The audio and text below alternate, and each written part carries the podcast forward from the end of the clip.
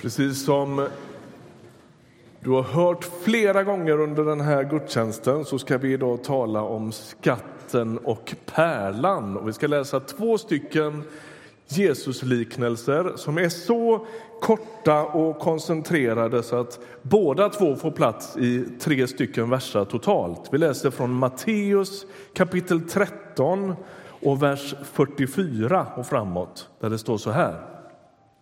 Himmelriket är som en skatt som ligger gömd i en åker. En man hittar den och gömmer den igen och i sin glädje går han och säljer allt han äger och köper åkern. Med himmelriket är det också som när en köpman söker efter fina pärlor. Om man hittar en dyrbar pärla går han och säljer allt han äger och köper den. De här två små korta Jesushistorierna ska vi stanna inför en liten stund. Den här skatten som det står om i den första berättelsen här, den verkar ju hittas av en lite kanske fattig man, i alla fall inte väldigt resursstark. Han hittar den mer av en slump. Han är ute och plöjer i en åker som inte är hans egen, vilket ju tyder på att han kanske är någon sorts daglönare. Och dagen börjar precis som alla andra dagar börjar för honom. Och det är ett ganska enahanda arbete. Att plöja en åker med en oxe framför, är, framför den där enkla plogen, det är ett ganska långsamt och monotont och enkelt arbete. Och så plötsligt så slår plogen i något som inte låter som en sten. Och så gräver den här mannen fram en låda med sina bara händer och i den där lådan hittar han en skatt. Och den ligger mitt i åkern och är full av juveler, mynt och en sorts förmögenhet som den här mannen kan leva på. Han är smart, så han gräver ner den här skatten igen och så går han sin väg. Och poängen är att nu måste han göra allt som står i hans makt för att ha råd med den där åkern. Och en och annan här inne kan ju tänka det här är ju en märklig historia, är inte sensmoralen att han luras? Men enligt judiskt tänkande så är det här helt i sin ordning, det är helt ärligt. Den som fann något på det här sättet kunde göra anspråk på det. Så det, det finns ingen i Jesu åhörarskara där som tänker nej vilket märkligt sätt, utan det här är en naturlig respons på att ha hittat en skatt i en åker som inte är ens egen. Den andra mannen, som finns i den andra korta liknelsen här, han verkar vara i en helt annan livssituation. Han är köpman och han letar efter ett investeringsobjekt. Det kan ju vara så att han är någon sorts kännare som rör sig via sina olika nätverk i olika städer och han är ständigt på jakt efter den perfekta pärlan. Han är metodisk, han är tålmodig i sitt sökande och han vet när han har hittat en dyrbar pärla. Jag ser ju den här, vad heter han, Knut Knutsson i eh, Antikrundan framför mig som liksom går i tvärspinn när han hittar någonting som ingen annan har sett förut. Och så, va? Eh, det är ju den grejen. Det är ju en kännare, en konstkännare som plötsligt hittar någonting som han har letat efter. Skillnaden mellan de här två finnarna, de är inte finnar alltså, men de har funnit något, ni fattar. Ja. Så konstigt, en finne i Bibeln. Ja. Eh, det är att den ene verkar snava på skatten mitt i sin vardag utan att egentligen vara på jakt efter något. Medan den andra hittar pärlan efter ett träget och idogt sökande. Den första snubblar över sitt livs största upptäckt och den andra är en som får tag på någonting som han länge har letat efter. Och jag slås av att någon, den ena av de här två berättelserna säkert är sann om de flesta människor här inne. Antingen är du den här som har funnit himmelriket, vilket ju personifieras i Jesus Kristus själv utan någon större ansträngning på ett sätt. Du kanske är uppväxt i en kyrka. Du har lärt dig att både gå och prata och sjunga i söndagsskolan. Det är liksom din hemmaplan. Du är helt hemma här. Eller så har du en helt annan livshistoria och bakgrund men du har ändå mött Jesus utan att egentligen vara särskilt mycket av en tänkare eller grubblare eller sökare eller att du skulle vara intresserad av teologi och de stora livsfrågorna. Du har inte gått runt och grunnat supermycket över meningen med livet eller så. Och så en dag så stod han bara där. Ställde sig i din väg. Så är det för en del här inne. Och ibland hör jag en del människor säga ja, men jag vet inte riktigt vad jag ska säga om, om min eh, tro, för jag har ju ingen sån där häftig story. tänker jag, du är ju biblisk. Du, du, du är ju som den här gubben med, med plogen och oxen och åkern som bara klonk Och så hittar du Jesus utan att egentligen vara på jakt efter honom. Det är helt i sin ordning. Poängen är inte hur det gick till, utan vem det var man hittade. Det är poängen. För någon annan så ligger berättelsen om köpmannen mycket närmare till hands. Du har sökt i massa religioner, kanske i massa ismer och filosofier och politiska rörelser. Du kanske har sökt i droger och kickar och allt möjligt. Och allt har gått ut på att jaga rätt på någon sorts hem för din jagade själ.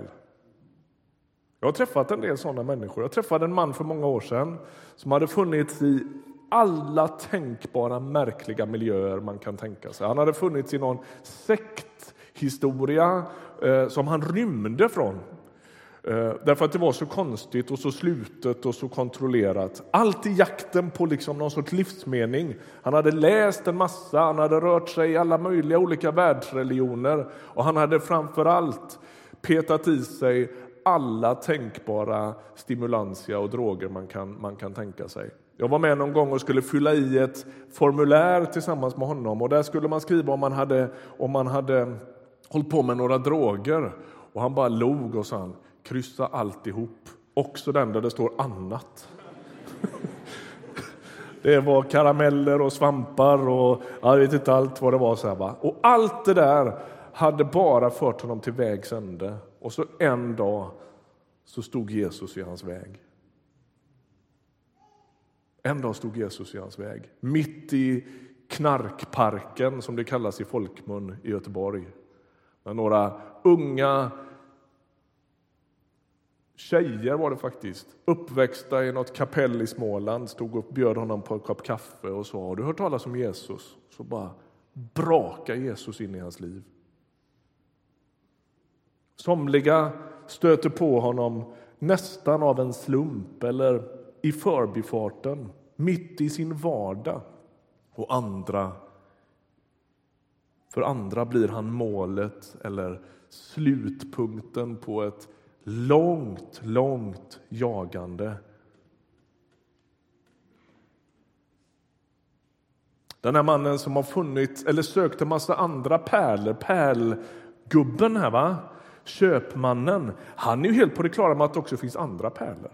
Han, har, han kan ha sökt i andra religioner och funnit en hel del saker som var bra. Han har sökt en massa andra olika uttryck i världen och i livet som har gett honom ett visst plus. Det är ju inte så att allt annat är fullständigt värdelöst. Men när han får syn på den här pärlan, på himmelriket personifierade Jesus Kristus, då är det som att jakten är över. Det är då man kommer hem. Och själva poängen i båda de här liknelserna den är ju Jesus tydlig med. Himmelriket, alltså Jesus Kristus, betingar ett sånt värde att alla offer, hur de än ser ut, är fullt rimliga. Kosta vad det kosta vill. Man kan egentligen säga att sensmoralen i dagens, i dagens text är att få fatt på Jesus kan inte bli för kostsamt. Det finns inget pris som är för högt. Jag tänker säga något mer om kostnaden nästa vecka, så vi sparar lite av det. Idag skulle jag vilja ta fasta lite på det, några minuter framåt här. Att Jesus beskriver sig själv och sitt rike i termer som har med rikedomar, upptäckter och en sorts livsförvandlande fynd att göra. Han talar om sig själv på det sättet. Att få tag på honom, det är som att vinna men det är som att finna den där skatten eller vinna högsta vinsten på något sätt. Låt mig berätta för dig om en man som levde ungefär, han föddes ungefär år 100 efter Kristus. Han hette Justinus. Justinus var en lysande professor. Han hade sökt i alla möjliga olika filosofiskolor utan att finna ro. Han vandrade från den ena läraren till den andra, var en skarp och briljant man på många sätt. Och en dag så går han på stranden vid Medelhavet och så är det en åldrad man som slår följe med honom. Det var ett kort möte och så innebär det där mötet en radikal vändpunkt för Justinus. Han skriver så här. Omedelbart flammade en gnista upp inom mig och jag greps av en kärlek till profeterna och till de människor som var Kristi vänner, säger han. Och så börjar han omedelbart läsa Bibeln för att se om det den här mannen har sagt var sant. Och så blir han en kristen. Han har gått till historien, den här mannen, som Justinus martyren. Det han fann i mötet med den här enkle mannen på stranden och djupast sett givetvis i mötet med Jesus själv kodade om hans liv och slutade faktiskt med att han år 165 efter Kristus dog för sin tro. Det finns en officiell domstolsrapport som bekräftar det här ehm, tillsammans med sex stycken andra kristna bekännare som var hans trognaste lärjungar avrättas Justinus i Rom genom halshuggning år 165 efter Kristus. Vad är det som har hänt med honom? Han har stött på ett värde som i någon mening um, allt annat i livet får förhålla sig till. Som i en mening relativiserar allt annat i livet. När det, eller när han, för det är en person, kommer in i Justinus liv, eller i mitt liv, eller i ditt liv så är det som att inget pris är för högt för att vinna honom.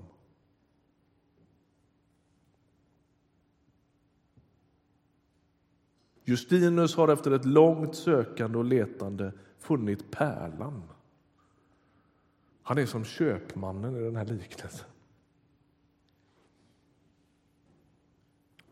Jesus är unik på så många sätt. Ibland i vår väldigt relativiserade tid när allting är slirigt och på glid. Liksom. Där allting blir väldigt så här personligt. Ja, men det är väl okej okay. om det är okej okay för dig, om det hjälper dig så är det bra. Så kommer Jesu anspråk och bara skär rakt igenom en sån kultur och säger nej, det är alltid sant. Och det är alltid precis så värdefullt för alla människor om de bara får tag på det. Han är de facto den som är värd att försaka allting för. Den stora hemligheten som man får tag på här, det är det som vi hörde i vittnesbörden här från Johan och Jasmin. Jag har haft förmånen att möta båda dem ett antal gånger och ser vad som händer i deras liv. När Jasmin säger att hon har mött en Gud som inte är ute efter henne, som älskar och som inte har som största mål att straffa ut henne så är det precis det här som texten försöker säga. Det är Guds kärlek i Jesus Kristus som är det man kan få tag på. Låt mig få läsa ett citat för dig. Var med här nu lite. Det lägger inte på väggen, utan var med och lyssna på det här. Det finns en engelsk teolog, nu är han lever han inte längre, tror jag. Jag blir osäker nu. Men väldigt åldrad i så fall. John Stott, jag tror att John gick bort, visst var det så? Och eh, han skriver så här i en bok som heter The Cross, alltså Korset heter den här boken. Och säger han så här, lyssna på det här. Jag har varit i många buddhisttempel i olika asiatiska länder och stått respektfullt framför statyer av Buddha med sina korslagda armar och ben, stängda ögon och ett vagt leende som spelar i mungipan. En distanserad min, bortkopplad från världens våndor. Men varje gång har jag efter en stund varit tvungen att titta bort. I min fantasi har jag istället sett den där ensamme, vridne, torterade figuren på korset med spikar genom händer och fötter, med ryggen sönderpiskad, förvridna kroppsdelar med ett blödande ögonbryn efter törntaggarna, torr mun och outhärdligt törstig nerstörtad i ett gudsförgätet mörker. Det är Gud för mig.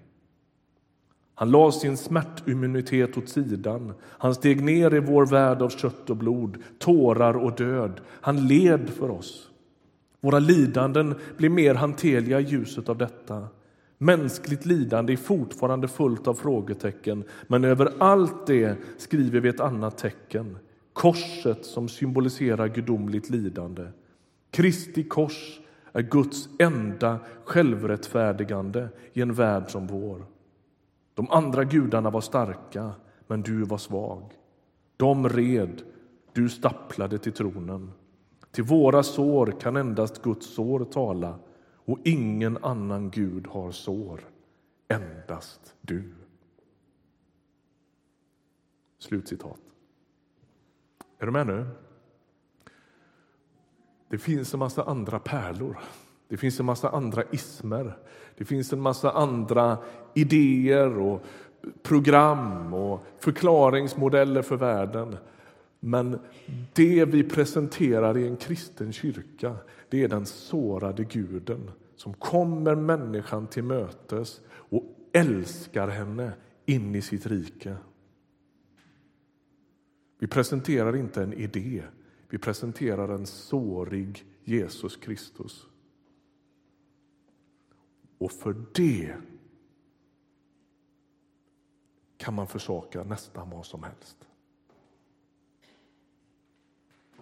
Jag tänker när vi sjunger här om att endast du är nog för mig och vi, du är den som, du är den som um, fyller mina, mina begär och som, som, som är eh, liksom, nog för mig, tänker jag. Det är höga bekännelser.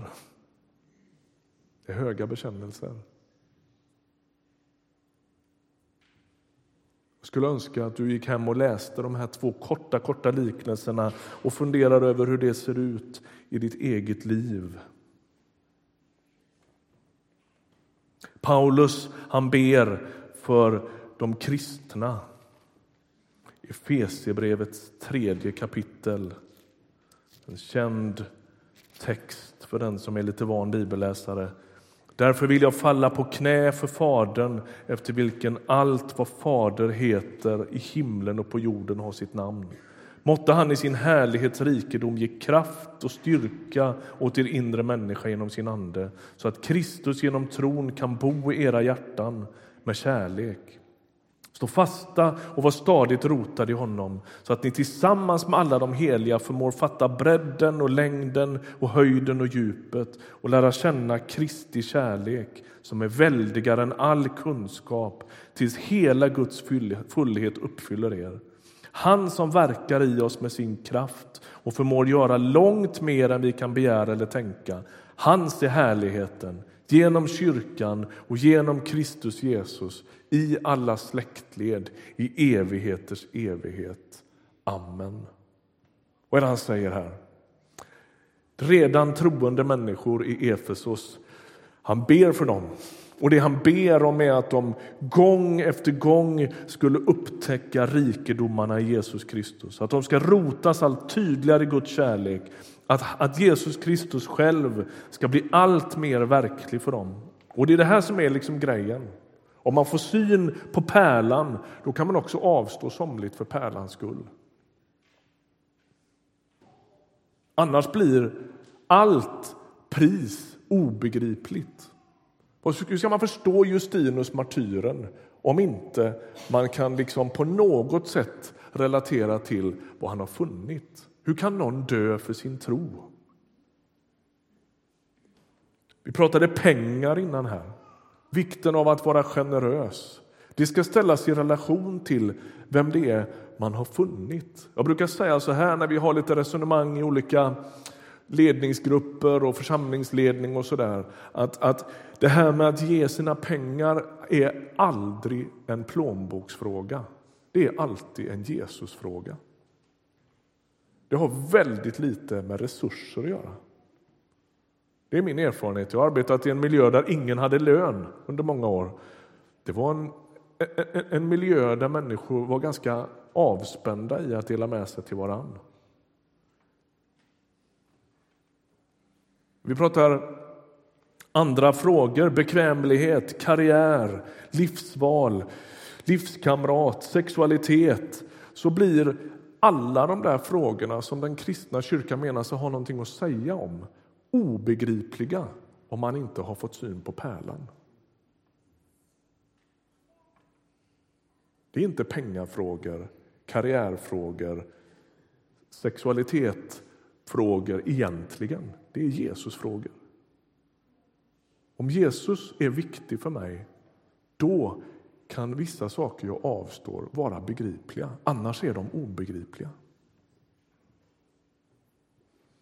Jag hörde en några av er såg nog den, en intervju med Thomas Idegard, före detta moderat politiker. Han stod för några år sedan i valet, ska jag bli statsminister eller ska jag bli jesuitpräst? I princip var det så. Han spåddes en lysande framtid och skulle efterträda Fredrik Reinfeldt som moderat partiledare. Det var alla ganska överens om. Och så lämnar han hela den karriären och så blir han präst. Och härom sistens prästvigdes Thomas Idegard. Och så var han i en tv-intervju och då har han ju som jesuit gått in i löftet om fattigdom, kyskhet och lydnad.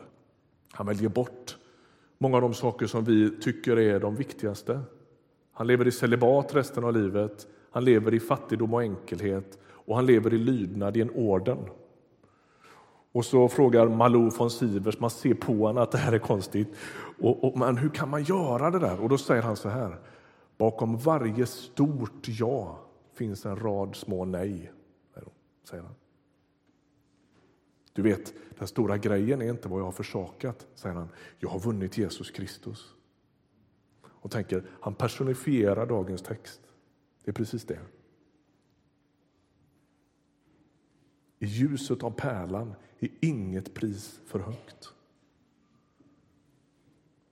Pärlan är inte ett personligt fynd som kan avfärdas som någon sorts ja, men kul att det funkar för dig, vi har alla våra intressen. Nej, pärlan är universell.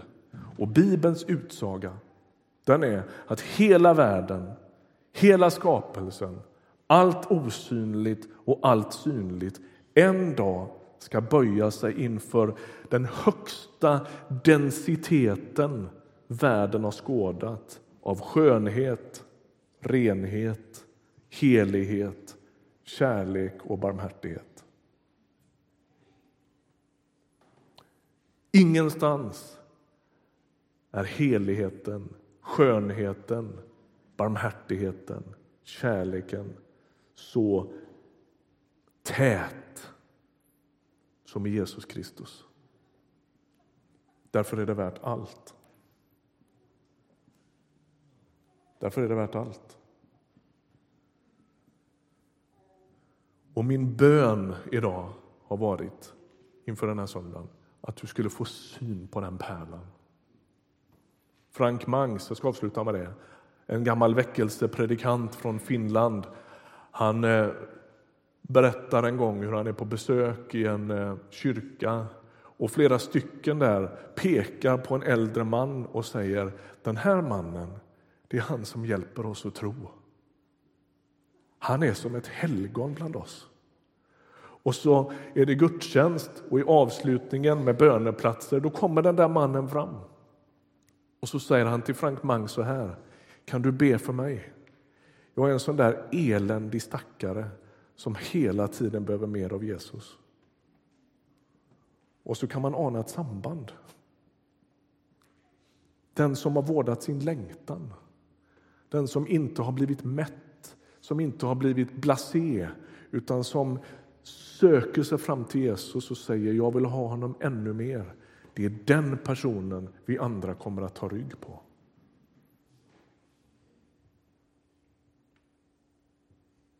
Hur ser din längtan ut? Vad är det som är hela din värld?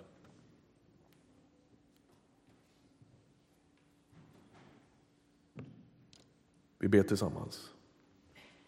Vi tackar dig Jesus att du är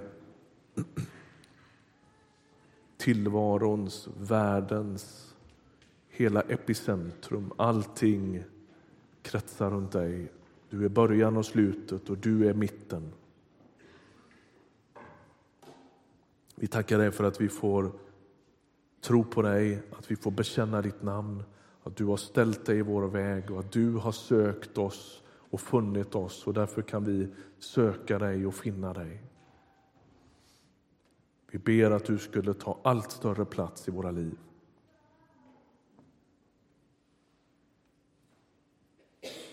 I Jesu namn. Amen.